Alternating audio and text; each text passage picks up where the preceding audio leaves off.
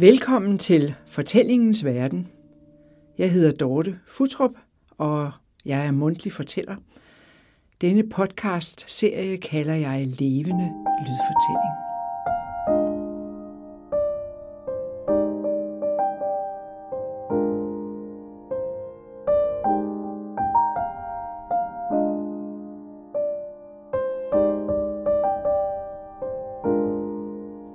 I 2006 var jeg på rejse til New Zealand. En cykeltur. I den forbindelse blev diverse rejsebøger studeret, og jeg faldt over en notits, at digteren Ingeborg Stuckenberg var begravet på New Zealand. Gravstenen var afbildet i guidebogen, og der stod blot Ingeborg. Det navn kastede mig flux tilbage til gymnasietiden. Sofus Clausen, Viggo og Ingeborg Stukkenberg. Min glæde dengang ved at læse tekster af symbolisterne. Det er sjælelige gennembrud i dansk litteratur. Så flyttede jeg til Paris i 1968, og der galt det de franske symbolister med Baudelaire, Mallarmé, Valland på originalsproget. 40 år senere, nemlig september 2008, på Stadsbiblioteket i Lyngby. Der havde jeg premiere på Stolthed og Konsekvens, en fortælling om Ingeborg Stukenberg.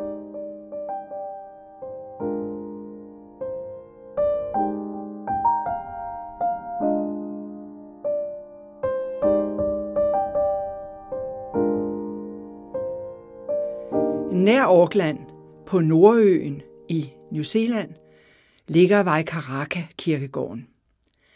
Der kunne man tidligere finde en gravsten med påskriften Ingeborg. Intet efternavn, intet fødested, ej heller årstal for fødsel eller død. På Nationalmuseet i Wellington findes en afdeling for emigranthistorie. Der kan man få hjælp til at finde noget om denne Ingeborg. Det drejer sig om danskeren Ingeborg Stukenberg. Oplysninger om hende er arkiveret i en skuffe i afdelingen for europæiske indvandrere. Ingeborg Stukenberg var blandt indvandrerne i 1903. Hun kom sammen med en anden dansker, Hans Dines Madsen.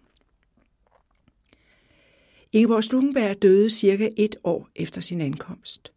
Hun blev kun 38 år.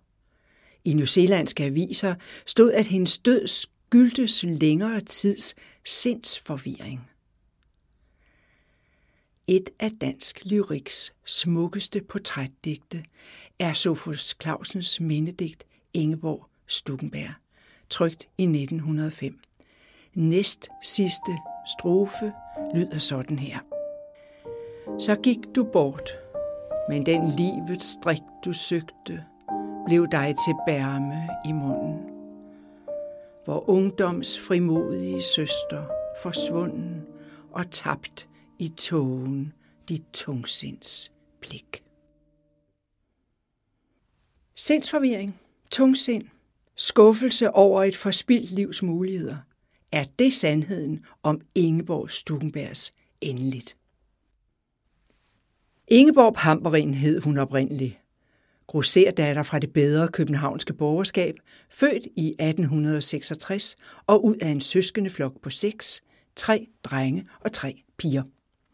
Familien boede på Højbro Plads, hvor faren handlede med broderi og syartikler. Slægten var ygenotter og en del af den tysk reformerte menighed. Ingeborg var en levende, charmerende og begavet pige, og i tilgift sin fars øjesten. Hun gik på St. Petri skole og var dobbeltsproget i dansk og tysk. Efter endt skolegang kom hun på Kleins tegne- og kunstindustriskole for kvinder for at udvikle et åbenbart tegnetalent. Sammen med andre unge begyndte hun at komme i studentersamfundet i Badstuestræde, hvor hun som 18-årig mødte den tre år ældre Viggo Stukenberg. Han var universitetsstuderende, men drømte om at blive digter. Han var en smuk mand og særdeles fetteret af kvinder. Hans far var fængselsforvalter i Vridsløse Lille, og i hjemmet var man optaget af tidens nye radikale tanker med Georg Brandes, og man tog del i debatten om moderne kunst og kultur. Stuckenberg-familien var et stabilt holdepunkt for en ung digterspiger. Viggo var som eneste søn stærkt knyttet til sin mor. Han skrev hyldestigte om hende, også efter hendes død. Ingeborg og Viggo forelskede sig voldsomt i hinanden. Men det skortede ikke på advarsler mod forholdet, især for Ingeborgs forældre. Faren sagde til hende, værdighed, søde Ingeborg, husk på, hvem du er. Lige børn leger bedst. Og moren tilføjede, du har lokket. Du har været koket. Du udviser mangel på takt. Du er mandelysten. Man må erindre, hvor mange af sine kære man drager med i ulykke, når man ikke er betænksom. Ingeborg tog til genmæle. Hovmod er dumhed, det har I selv sagt. I har opdraget mig til naturlighed, frihed og retfærdighed. Nu er I uretfærdige nok til at tvinge mig til unaturlighed, nemlig at gå bort fra den, jeg holder af. Faren fortsatte. Jamen, denne Stukenberg er jo ikke en mand for dig. Han vil aldrig drive det til noget. Ingeborg begyndte at græde. Jamen, I taler bare nedsættende om det liv, han fører. I prøver at tage modet fra mig. Jeg løber bort, hvis I fortsætter på den måde. Og hold da op, barn, med det hysteri. Det er dog kun til dit eget bedste, sluttede hendes mor. Trods advarsler forlovede Ingeborg Pamperin og Viggo Stukenberg sig med hinanden. På grund af forlovelsen forlod hun tegneskolen i utide. For det forestående giftermål det fordrede naturligvis, at Ingeborg skulle lære husholdning. Hendes far sørgede for, at datteren blev sendt på husholdningsoplæring på Sydsjælland, langt, langt bort fra storbyens fristelser. Lidenskab mellem de to unge skulle jo holdes i ave. Viggo var fuldstændig forblændet af forelskelse. Han skrev breve til Ingeborg og erklærede til sine venner. Jeg er vanvittig lykkelig. Jeg tror på kærlighedens forvandlende kraft. Han skrev digte, hvor han transformerede sin erotiske lidenskab og gjorde de elskende udødelige og ophøjede over dagligdagens konflikter. De elskende skulle være stolte, suveræne individer. Viggo blev en forfører med sine ord. Han forvandlede Ingeborg fra et borgerligt dydsmønster til en lidenskabelig kvinde. Og det er det charmerede hende. Sådan ville hun gerne se sig den unge, lovende digter. Hun følte sit borgerlige miljø som en spændetrøje med normer, forventninger og fastlåste familiemønstre. Ja, det er en størknet verden, som kun finder glæde i traditioner og aldrig i forandringer. I 1887 stod brylluppet. Den 24-årige Viggo Stuckenberg indgik ægteskab med den 21-årige Ingeborg Pamperin. De var begge erklærede ateister. Det hørte sig til i de kredse, de færdedes i. Men alligevel giftede de sig i Holmens Kirke for familiens skyld. Deres ægteskab skulle bygge på de nye radikale principper, hvor parret indgik en følelsesmæssig kontrakt. Denne kontrakt kunne opsiges, hvis den ikke blev indfriet. Kærligheden skulle være helt fri af enhver praktisk interesse. Ingeborg erklærede, jeg har simpelthen allergi over for alt, konventionelt. Men ikke desto mindre gav grosser Pamperin sin datter et klaver i bryllupsgave. Han sørgede også for en bolig til det unge par i de nyopførte kartoffelrækker ved søerne. Kort før brylluppet havde Viggo Stuckenberg opgivet sine universitetsstudier efter en lovende litterær debut. De nygifte indrettede hjemmet som radikal salon, og hurtigt blev huset et valgfartssted, en magnet for forfattere, for malere, musikere, ja alle slags kunstnere, for journalister og studerende. Men det viste sig snart, at ægteparet ikke havde forstand på penge. Ej heller sans for økonomisk husførelse. Ingeborgs far lånte dem penge, men øselheden fortsatte.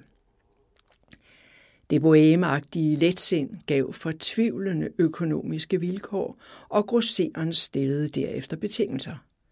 Svigersønnen måtte supplere sin sparsomme indtjening med en stilling som timelærer på en privatskole, Slomands skole, et arbejde, som Viggo Stuckenberg bevarede indtil sin død. I Ingeborg og Viggo Stuckenbergs hjem kom digtere som Johannes Jørgensen og Knud Hamson. De var begge ludfattige og savnede et hjem. Johannes Jørgensen var kommet til København fra Svendborg. Knud Hamson kom fra Norge. I hjemmet kom også mere velbeslåede kunstnere, fars sønner, såsom digteren Sofus Clausen og maleren Albert Gottschalk. Alle oplevede de hjemlige hygge og udfordrende samvær. Og til lige var der jo god servering med både vådt og tørt i rigelige mængder. Ingeborg og Viggo kom til at fremstå som det ideelle ægtepar over for vennerne. Ingeborg blev kredsens naturlige centrum. Hendes mangesidige kunstneriske begavelse kom til udtryk i digtning, tegning og musik. Og i 1889-90 fik hun trykt en novellette, Badegæster, i Københavns Børstidene. Ingeborg var en ildsjæl, og mændene forelskede sig i hende. Johannes Jørgensen hyldede hende med ordene – hun var veninden, vi var dus med, og til hvem man kunne tale om alt. Hun var musen, som man skrev vers til for et kys på hendes kind. Hun var valkyrien, som gik forrest i kampen. Kampens genstand var det forstenede samfunds borgerlige hykleriske idealer. Gruppen var brændende optaget af Georg Brandes og tidens tanker om darwinisme, filosofisk materialisme og ateisme. Selv levede Stuckenberg parret borgerligt med klunkehjem og stuepige. En muse, en valkyrie. Der var noget, der skurede. Med årene blev Ingeborg restløs og urolig. Hendes ambitioner, engagement og lidenskab kunne ikke komme til udtryk i den mands dominerede vennekreds. Hun var temperamentsfuld. Hun havde kompromilløse krav om ægthed og sandruhed. Det kom især til udtryk efter børnefødsler i 1890 og 91. To sønner, Henrik og Nils, var der nu i ægteskabet. Forældrene lod dem ikke døbe, og det faldt ikke i god jord hos familien Pamperin. Viggo var mindre stivnakket, men Ingeborg var stejl. Aldrig i livet, og mine børn skal døbes. Alligevel begyndte nogle advarende ord fra hendes mor at genlyde. Ord, som blev fremsagt før giftermålet. Ungdommen er ingen evighed, min pige, Alvor og sorger er over en, før man har elskovsrusen ude af hovedet. Snart er man selv mor og skal opdrage børn. Nej, ægteskabet, det er ikke et eventyrland. En aften i 1892 var Johannes Jørgensen og Sofus Clausen på besøg i ægteparet Stukkenbergs nye lejlighed på Frederiksberg. Efter den gode middag over kaffe og konjak blev samtalen mere og mere åndfuld. Sofus Clausen boede på det tidspunkt i Paris, men var hjemme på et kort besøg. Han fortalte om sit møde med symbolismen, den store franske lyriker Charles Baudelaire og digtsamlingen Les Fleurs du Mal, Syndens blomster. Digterne med og Valinden blev også belyst. Det er sådan, vi skal skrive, det er det nye. Ja, han fortsatte sin begejstring. Vi skal lære den lyriske fortætningskunst, for en ny åndrighed er på vej. Un paysage, c'est un état d'âme. Et landskab er en sjælstilstand. Så sad de tre mænd efter tænksomme en stund. Derpå sagde Johannes Jørgensen, ja, det kunne blive en programerklæring og udnyttes polemisk. Naturalismen sættes op imod symbolismen. Ud med I.P. Jacobsens tungt belæssede stil. Realismen skal have dødstødet. Viggo Stukkenberg supplerede. Ja, inderlighed skal være vort udtryk. Det skal være vort generationsmærke.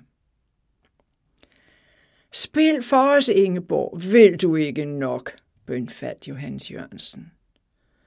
Ingeborg satte sig ved klaveret og begyndte at spille, helt uden noder.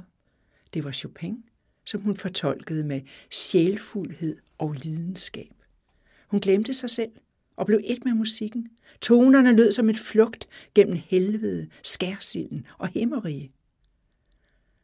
Johannes Jørgensen var stærkt bevæget, da han rejste sig.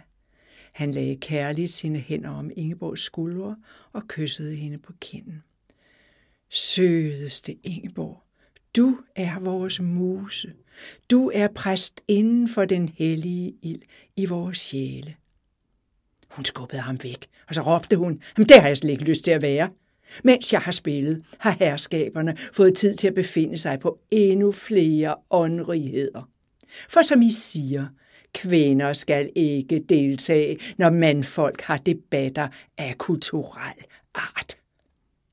Ingeborg knejsede med nakken og forlod stuen. Hvor kan en kvinde med trofast sir, skønt selvfortæret af smerten og hånden, bygge sig slotte i solen og månen og klippe stjerner af guldpapir. På det tidspunkt, altså i 1892, boede Johannes Jørgensen i den øverste lejlighed på hjørnet af Kastanjevej og H.C. Ørstedsvej på Frederiksberg. Fra lejligheden havde han adgang til tårnværelset. Der så et nyt tidsskrift dagens lys. Tårnet illustreret månedsskrift for kunst og litteratur. Tidsskriftet blev skældsættende i dansk litteraturhistorie, på trods af sin meget korte levetid, nemlig fra 1893 til 94. Det var her det sjælelige gennembrud blev varslet. Johannes Jørgensen blev bladets redaktør og sammen med forfattere og billedkunstnere, blandt andet Stukenberg, Clausen, Helge Rode, Albert Gottschalk, Peter Skram, Sofus Michaelis, så skrev han til tårnet og forsøgte med symbolismen at lægge afstand mellem sig selv og radikalismen. Jørgensen skrev blandt andet, Symbolismen er en tro på sjælens realitet. Den sande kunstner er symbolist. Verden er dyb og kun de flade ånder fatter det ikke. De symbolistiske kredse havde et mere eksklusivt socialt grundlag. Men det skulle vise sig, at der ikke var bedre økonomiske kår for en symbolistisk forfatter end for en radikal. For snart måtte tidsskriftet lukke, og stærkt forgældet fraflyttede Johannes Jørgensen med kone og børn ejendommen på Kastanjevej. Årsagen var en fortvivlende økonomi og mængder af ubetalte regninger. Også hos Stukenberg fortsatte man med at leve over evne, og det slog benene væk under den beskedne husholdning.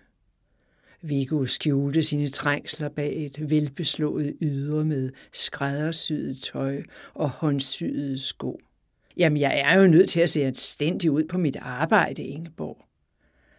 Ja, mens børnene og jeg må nøjes med omsyet og lappet tøj. Ingeborg var nødsaget til at få dagligdagen til at hænge sammen for lånte midler. Der var et stigende misforhold mellem kærlighedens idéer og ægteskabets praksis. En aften, hvor Ingeborg netop havde sagt godnat til sønnerne, kom hun ind i stuen og satte sig i sofaen. Viggo var i færd med at skrive i skæret fra petroleumslampen. Længe var hun tavs. Så sagde hun om sider. Jeg føler mig ensom. Jeg sidder bare her, dag ud og dag ind. Jeg kommer ingen vegne. En landevej af hverdag. Jeg bliver gammel, jeg har oplevet så lidt, og mit kunstneriske talent får jeg ikke udfoldet. Tiden er kostbar. Livet er kostbart. Og alligevel, så spilder jeg bare mine bedste år. I den følgende tid sank Ingeborg mere og mere ind i et tavst mørke. Det forvirrede Viggo. Han var forvent med en snakkende, kvidrende, underholdende Ingeborg. En dag blev det ham bare for meget. Han sagde, at jeg har lovet som en hund efter dig, for at få din opmærksomhed og kærlighed. Jeg var glad, når du var glad. Nu er der kun ligegyldighed i dine øjne. Is. Hvorfor piner du mig med din tavshed? Er jeg ikke længere værd at spille et ord på? Ingeborg vendte sig mod Vigo med et tomt blik. Hun trak opgivende på skuldrene. Hvad vil du have, jeg skal sige? Jamen, vi har da før kunnet tale sammen. Jeg har ingenting at sige til dig. Ingeborg slog blikket ned. Hverdagens dræbende stemning sendte Viggo Stukenberg i digterisk dødvande. Han mærkede, at Ingeborg var i færd med at vriste sig fri af hans greb. Som en sommerfugl, der længe forgæves havde flagret mod loft og rude. Til dine øjnes åndemusik i skumringstimen vi lyttede sørmodig. Din tavse mund stod smertelig modig i drømmepagt med dit tungsinds blik.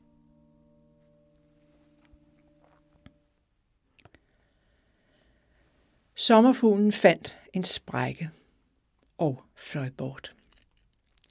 Ingeborg søgte tilflugt hos parets fælles ven, maleren Albert Gottschalk. Længe havde han bejlet til hende. I sin forladthed svingede Viggo mellem fortvivlelse. Jeg ser intet, jeg hører intet, jeg har intet mere i min hånd. Og så jalousi. Ingeborg, hun er kun en tøjte. En tøs er hun. Og i sin afmagt kom Viggo til at se for dybt i flasken. Sofus Clausen, som for en kort stund var hjemme fra sit bohemliv i Paris, gav sin ven et råd. Skriv dig ud af det, Stuk. Skriv dig ud af det. Og Viggo Stukenberg begyndte nu at blande virkelighed med fiktion i sine skriverier. Ægtemanden gled over i forfatteren. Og med en fortællers privilegium spejlede han ægteskabets fortielser. Han afdækkede i scenesættelsen. Det kom til udtryk i romanen Valravn, som han offentliggjorde i foråret 1893. Tilbage til Ingeborg. Så at forlade sin mand betød dengang at give afkald på sine børn. Efter den tids lovgivning havde Ingeborg som mor ingen ret til sine sønner. Og naturligvis kom hun hurtigt til at savne sine to små drenge. Lidenskaben og ønsket om selvforglemmelse havde drevet hende i favnen på Albert Gottschalk, men han var ikke i stand til at imødekomme hendes længsel og urolige sind. Du og jeg skal opleve verden sammen. Tag med mig til Paris, Rom, Stockholm. Sådan fristede elskeren sin elskerinde. Men de kom hverken til Paris, Rom eller Stockholm. Albert Gottschalk var hypokonter og plaget af humørsvingninger – det knep også med hans kunstneriske anerkendelse, og som konsekvens destruerede han flere af sine malerier i mangel på selvtillid. Ingeborg sukkede. Oh, du er mit tredje barn. Før var jeg tilbehør til en digter, nu er jeg tilbehør til en maler. Hvad er egentlig forskellen? Ingeborg købte Valravn på udgivelsesdagen. Hun slugte den og refererede for Gottschalk. Figo har skrevet en roman om hans og mit forhold. Jeg mærker, hvor fortvivlet han er, hvor meget han savner mig. Gottschalk bladrede i bogen. Ha, det er hultende mandfolk, hvor herre bevares. Han er så fuld af flæberi og selvmedlidenhed.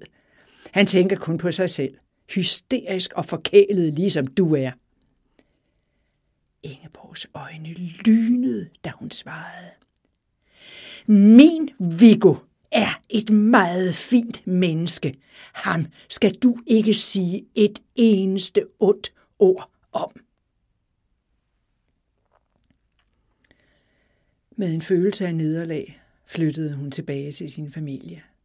Og Viggo fnøs. Ha, så kan jeg tage til takke med en brugt kone.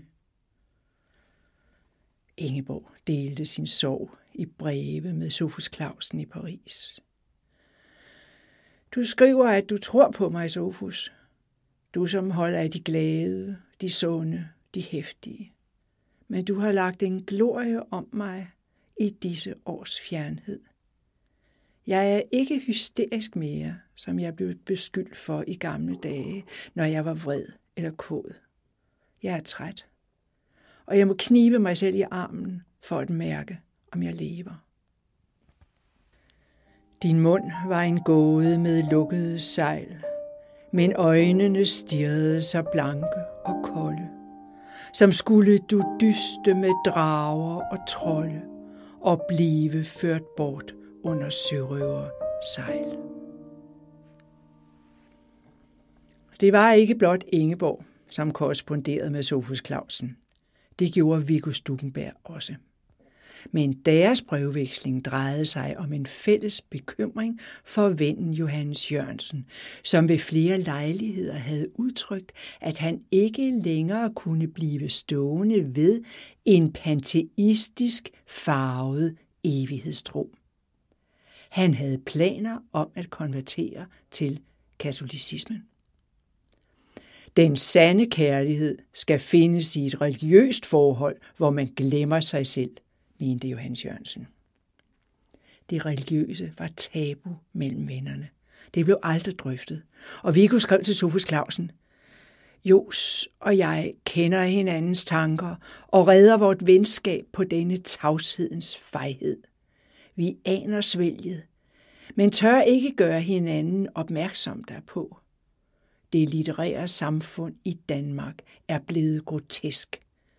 Før havde vi højre og venstre. Nu får vi Gud og fanden. Ingeborg var rød glødende af raseri over Johannes Jørgensens religiøse sværmerier.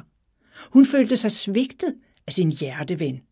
At han kunne finde på at forråde sagen, deres fælles sag, og blive kristen. At hun dømte ham som en forræder af fremskridtet at du, den dybt jordfæstede darwinist, at du bliver kristen, det er mig sørgeligt, det er mig ubegribeligt. Det er mig så meget imod, at jeg næppe kan overvinde mig selv til at sige det fade, vamle ord kristen om dig. Og hun fortsatte.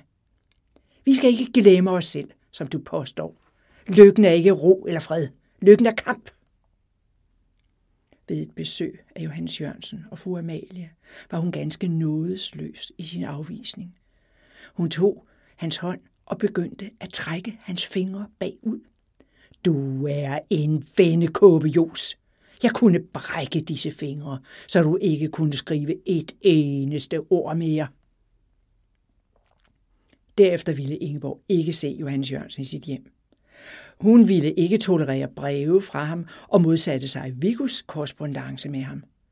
Men Johannes Jørgensen havde truffet sit valg og konverteret. Nogle år senere forlod han kone og otte børn i Danmark og bosatte sig i Assisi i Italien. Der ventede et liv i ophøjet kærlighed i katolicismens tjeneste. Kort tid efter Ingeborg Stukenberg var vendt tilbage til hjemmet efter sin romance med Albert Gottschalk, flyttede familien med hushjælp til Villa Vennely på Kongevejen i Sovenfri, nord for Kongens Lyngby. Parets gæld var vokset betragteligt, og de trak sig bort fra byens selskabelighed på opfordring af Ingeborgs far. En luftforandring var på alle måder tiltrængt efter den ægteskabelige krise, og desuden var landlivet jo godt for børnene, og, og så fik de omgangskredsen lidt på afstand. Viggo Stukenberg tog dagligt toget til hovedstaden for at passe sin lærergærning. Og hvis pengekassen var slunken, solgte han et par antikvariske bøger og slog vejen forbi Café Banina i Vimmelskaftet 47. Der kunne han altid træffe gamle venner, før han med diverse delikatesser fra storbyen tog hjem. Men vennerne fra byen begyndte også i stort tal at finde vej nordpå, for der var jo ikke så langt til Lyngby med tog. Så gæstfriheden fortsatte.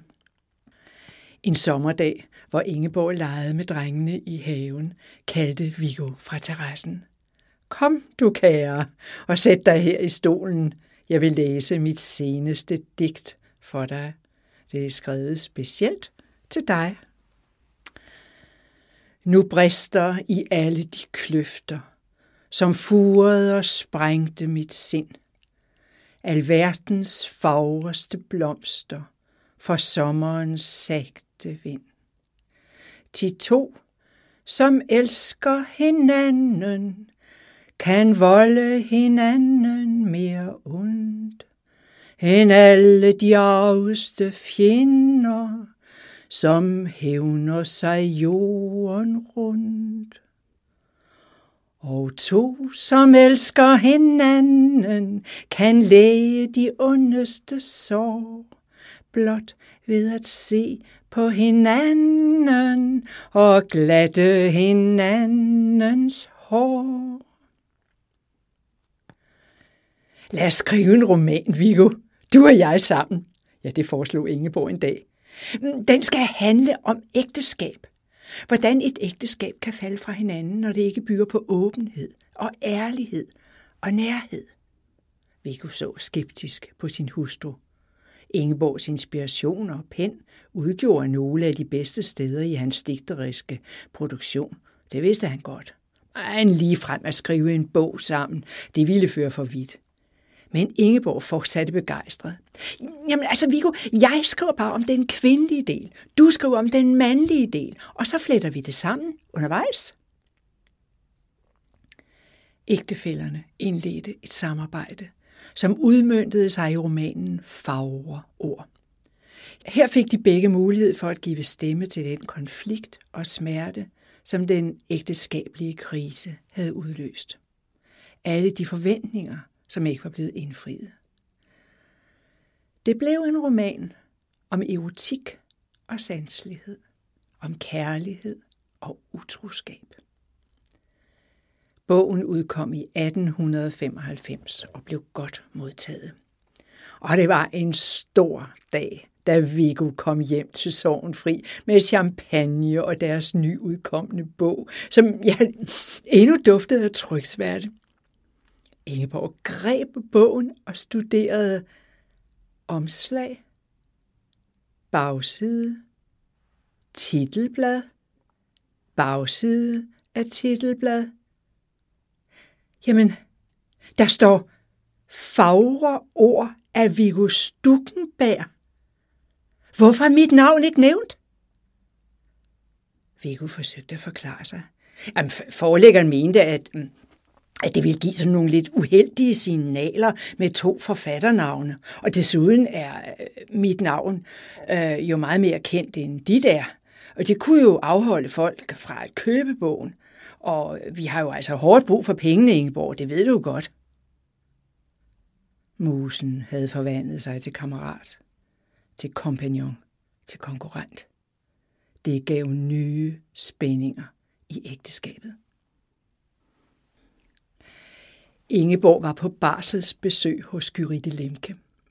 Hun boede med sin familie i et stort hus i Lyngby, ikke langt fra Villa Vennely. Hun var gift med embedslægen. Ej, hvor er de lykkelige, fru Lemke, at de har sådan en dejlig lille pige. Ja, jeg synes ikke, jeg kender det eneste menneske, der er så lykkeligt, som de er. Ah, det skulle da være dem selv, fru Stukkenberg, med sådan en gudbenået digtermand – og to så små, søde drenge. Gyritte Lemke var kvindesagsforkæmper, og hun blev senere formand for Dansk Kvindesamfund. Hun var optaget af kvinders valgret og ægteskabets reformering. I folkemunde blev Gyritte Lemke kaldt blåstrømpeagtig.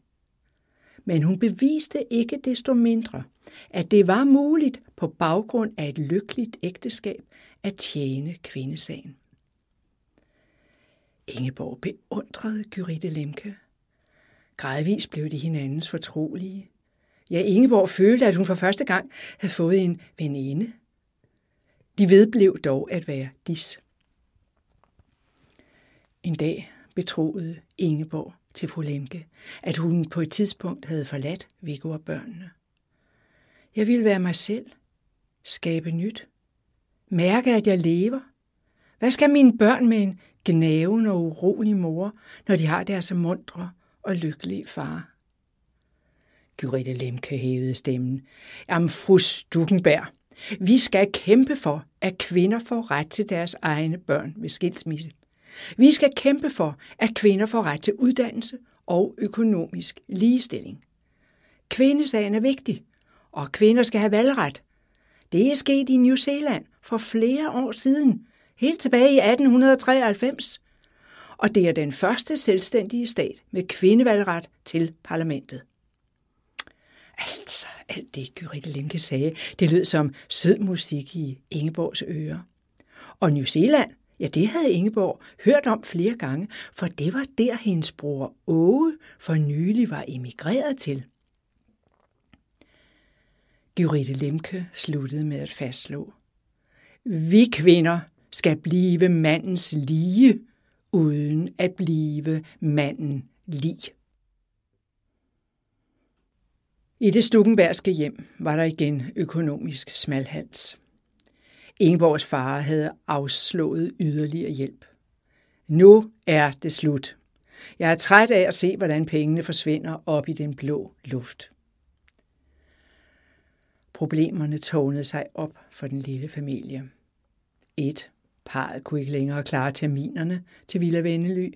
Kreditorerne løb dem konstant på dørene, og der var ingen løn til hushjælpen. 2. I skolen påstod lærerne, at den ældste søn, Henrik, var sinke. Og 3. Ingeborg havde skrevet en novelle, som Viggo lod trykke i eget navn. Viggo Stukenberg blev mere og mere resigneret og illusionsløs. Og Ingeborg blev mere og mere opfaren og temperamentsfuld. Hun rasede mod Viggo. Så gør dog noget! Du er for sagt, du er fej, du ved, du er helt uden lidenskab. Han forsvarede sig. Din far er en genier. Han kunne sagtens give os en håndsrækning, hvis han ville. Snart var familien insolvent. Med hjælp fra ægteparet Lemke fik parret mulighed for at lege sig ind i gardnerboligen ved Sovnfri Slot. De flyttede i år 1900. Ingeborgs far betalte flytning og andre omkostninger på betingelse af, at de opsagde hushjælp og delagtiggjorde ham i indtægter og udgifter.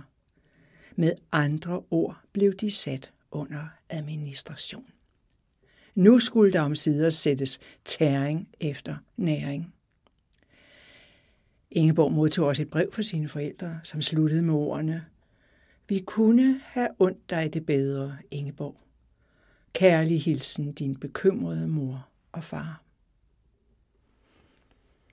Kort efter flytningen opsøgte maleren Albert Gottschalk sin tidligere elskerinde. Pst, pst, pst, lød det ud bag hækken. Ingeborg, mine følelser for dig er uforandrede. Dine børn er store nu. Du kan godt forlade dem. Rejs bort med mig. Hjertebanken, blodets brusen. Gamle følelser blev vagt til live. Men Ingeborg valgte at afvise. I Gardner længen boede et andet ægtepar, slotsgardner Hans Dines Massen og hustru Clara. Parret havde en søn, som var jævnaldrende med Stukkenbergs drenge. Børnene legede sammen, og der opstod et godt naboskab. En aften spiste de to familier middag sammen. Og under den opløftede middag begyndte Dines Massen at flytte rundt på et skab i entréen.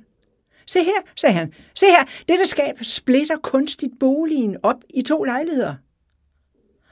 Og så blev de alle enige om at flytte skabet for at skabe mere råderum for børnene. Men Som så mange andre mænd var Dines Madsen blevet forelsket i Ingeborg, og hun følte sig tiltrukket af den aktive, robuste og virile gartner. Han var en handlingsmand kontra hendes egen vege, handlingslammede ægtemand. Så de to begyndte at holde stævnemøder i pavillonen i Sovenfri Slotspark. Viggo var jaloux og besværet af en nyere sygdom, og ofte skete det, at han drak for meget. Når han var fuld, ydmygede han Ingeborg, også i gæsters nærvær.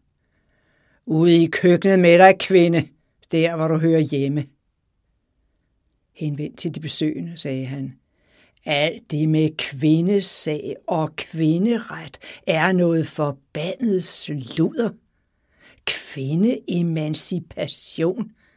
Det kvinden ønsker i sit inderste hjerte, er at føle mandens fod på sin nakke.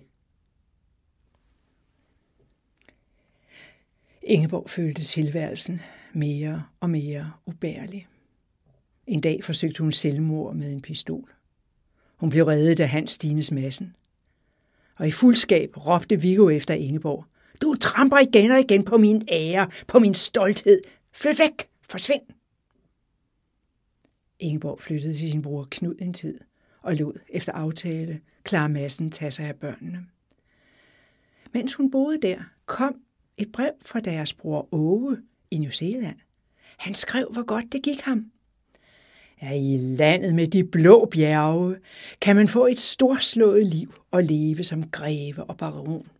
Det flyder med mælk og honning, jorden er billig, og arbejdet bliver godt betalt. Jeg bliver snart savværksejer. Det er drømmenes paradis. Adder valgte Ingeborg at flytte hjem til Viggo og børnene. Clara Madsen havde taget sig godt af de tre børn. Og det skulle vise sig, at hun også havde taget sig godt af Viggo. Og omvendt. Dines Madsen og Ingeborg genoptog deres stævnemøder i pavillonen. En dag faldt snakken om fremtiden. Ingeborg fortalte om sin bror i New Zealand. Og det ene ord tog det andet. Og snart var de i gang med at udklække en plan om at emigrere til New Zealand sammen. Dines Madsen havde jo en gartneruddannelse fra Nottingham i England, og han kunne tale engelsk. Og med de kvalifikationer og en god portion viljestyrke, ja, så skulle han nemt kunne skabe sig en fremtid i New Zealand. Og Ingeborg jublede, ja, jeg kan jo undervise i tysk, og i klaverspil, og jeg kan skrive en bog, den kan jeg sælge, og jeg kan blive kendt, og jeg kan tjene penge, og vi kan helt sikkert bo hos min bror. At det var jo et eventyr. Og det skulle realiseres. Tænk, om tilværelsen kunne få en ny begyndelse. Var det hende, der forførte ham? Var det ham, der forførte hende? Eller forførte de hinanden ud i noget komplet uoverskueligt? Men du var opfyldt af klokkespil, som drog dig fjernt over hav og bølge, med deres uhørlige tone følge til eventyrland, som for dig var til. I foråret 1903 forsvandt Ingeborg Stukenberg med en vadsæk fra sit hjem. Hun efterlod sig intet spor. For inden havde hun forsøgt at låne penge af sin søster Agnes og sin far, men forgæves. En uge før Ingeborgs forsvinden var Dines Massen rejst hjemmefra. Han sendte efterfølgende et brev til Clara, uden at fortælle, hvor han opholdt sig. I brevet bad han om skilsmisse og tilbød, at hun beholdt sønnen. Penge var vedlagt til udredning af deres gæld. De to undvigende mødtes i Bremerhaven, hvor de købte billetter til anden klasse på et emigrantskib med kurs mod Sydney i Australien. Så snart de fik anvist deres køjer, pakkede de deres sparsomme bagage ud. Se her, Dines. Jeg har medbragt papir og pen. Jeg begynder at skrive lige med det samme og Ingeborg skrev om Atlanterhavet, når det var i godt humør. Hun skrev om passagererne på første klasse, som blev forarvet, når de blev udsat for de samme søsynskvaler som os undermålere på anden og tredje klasse. Hun skrev om de smukke napolitanerinder, om rejsen gennem Suezkanalen, ankomsten til Colombo og til sidst Sydney, hvor de blev omskibet til New Zealand. Ingeborg skrev med livfuldhed, åbne sanser og sikre vurderinger. Mange år senere blev teksten udgivet som korte breve fra en lang rejse. Rejsen kom til at vare to en halv måned. Fra Auckland skulle de videre med tog i syv timer til en station, der hed Mamuku. Skov, skov og atter skov. Min bror bliver nok overrasket, når han ser, at det er mig, der kommer, sagde Ingeborg. Og ja, åh, Pamperin blev særdeles forbløffet. Jamen, er det dig, Ingeborg? Du havde jo skrevet, at det var en af dine veninder og hendes mand, jeg skulle vente. Op på hestevognen og ad opkørte julespor kørte de mod det sted, som han i breve havde betegnet som sit paradis. Det viste sig at være en lysning i skoven. Boligen var et skur. Det gik hurtigt op for Ingeborg, at Åge havde skrevet hjem om sin tilværelse i alt for lyse toner. Han havde kun et ganske lille jordstykke, og det ville vare mange år, før de kunne brødføde tre mennesker og desuden var han lidt sindig og upålidelig i pengesager. Alligevel gav de to nye emigranter sig i kast med opgaven. Dines udenfor, Ingeborg indenfor. En dag nævnte Ingeborg for sin bror, at hun havde et næsten færdigt manuskript til en bog. Desuden ville hun gerne undervise i klaverspil. Og Åge slog en latter op. Vil du være forfatter? og spille klaver. Jamen, har du da selv medbragt et instrument? Her er der intet klaver. Man har nok i at arbejde for det daglige brød. Efter nogle måneder skrev Ingeborg sit første brev til sin mor og søster Agnes. Jeg havde besluttet, da jeg rejste hjemmefra, at jeg ville være død for jer. Men det er ikke let at tige. Ensom har jeg været. Jeg har følt mig forladt, trods jeres godhed og kærlighed. Jeg valgte at rejse, fordi jeg hjemme ikke kunne vente anden lod end den tanterne havde, nemlig at leve på nådsens brød hos familien. Men så beskeden er jeg ikke. Jeg vil prøve at vinde større lod. Hvad ved du dog på den galej? Det kan I med rette spørge med citat fra Molière. Men i kan tænke på mig som en soldat i krigen.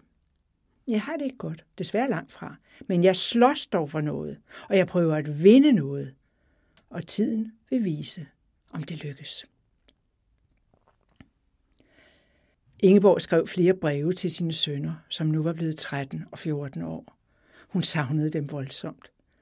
Først i februar 1904 hørte hun fra den yngste, og hun svarede straks, Åh, du er en knop af en dreng. Jamen, jeg er så umådeligt glad for brevet. Hver gang du skriver mor i dit brev, min egen unge, så er det som om, jeg kan høre det sige det. Åh, når I sover, så bukker jeg mig tit i tankerne over jer og kysser jer og ønsker, at de må være to glade, gode drenge. I New Zealand havde ingen brug for Dines Massens specialviden som gartner. I en længere periode måtte han arbejde som daglejer i Auckland. Og Ingeborg fik ansættelse som hushjælp hos en familie på en farm, hvor hun fik en usel hyre, selvom hun arbejdede fra tidlig morgen til sen aften. En dag tabte hun en gryde skoldheds suppe over sit ene ben. Hun pådrog sig hudskader, som ikke ville hele. Efter et år i New Zealand gik det op for Ingeborg, at Dines Madsen havde gjort noget bag hendes ryg. Han havde foretaget en opsparing. Løbende havde han lagt penge til side, så han var i stand til at indløse en skibsbillet til sig selv til Bremerhaven. Han vil lade mig ene tilbage her i New Zealand. Det er ikke det forjættede land. Det er helvedes forgård. Bjergen er blå, men solen skinner på tusind stumme, skuffede håb. På de ulykkelige, der har samlet deres penge sammen for at prøve livet og lykken. Det er nu gået op for mig. Det er i den civiliserede verden, at chancerne er for den, der kan og vil. Midt i myldret og striden. Da dine håndtryk og spor forgik, vi så din stolthed, som aldrig har svedet. Der bliver fortvivlende lidt af så meget. Kun ånde musik. Epilog Hans Stines Madsen rejser tilbage til Europa. Han opsøgte familie i Flensborg, men døde efter kort tids sygdom i 1905. Han nåede ikke at gense Clara og sønnen. Maleren Albert Gottschalk døde i 1906. Samme år døde Viggo Stuckenberg. Året før havde han giftet sig med Clara Madsen i Frederiksberg Kirke og bosat sig med parts tre sammenbragte børn i Allegade 5, som i dag huser Alhambra, Museet for Humor og Satire. Og hvad med Ingeborg Stuckenberg? Kort før hans Stines Massens afrejse fra New Zealand, fandt han hende med en pistol. Hun var død for egen hånd den 12. august 1904. På hendes grav blev rejst en sten med påskriften Ingeborg.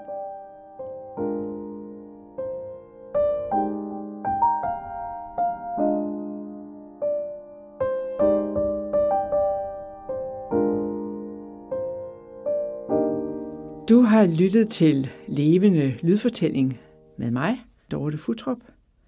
Tak fordi du lyttede med.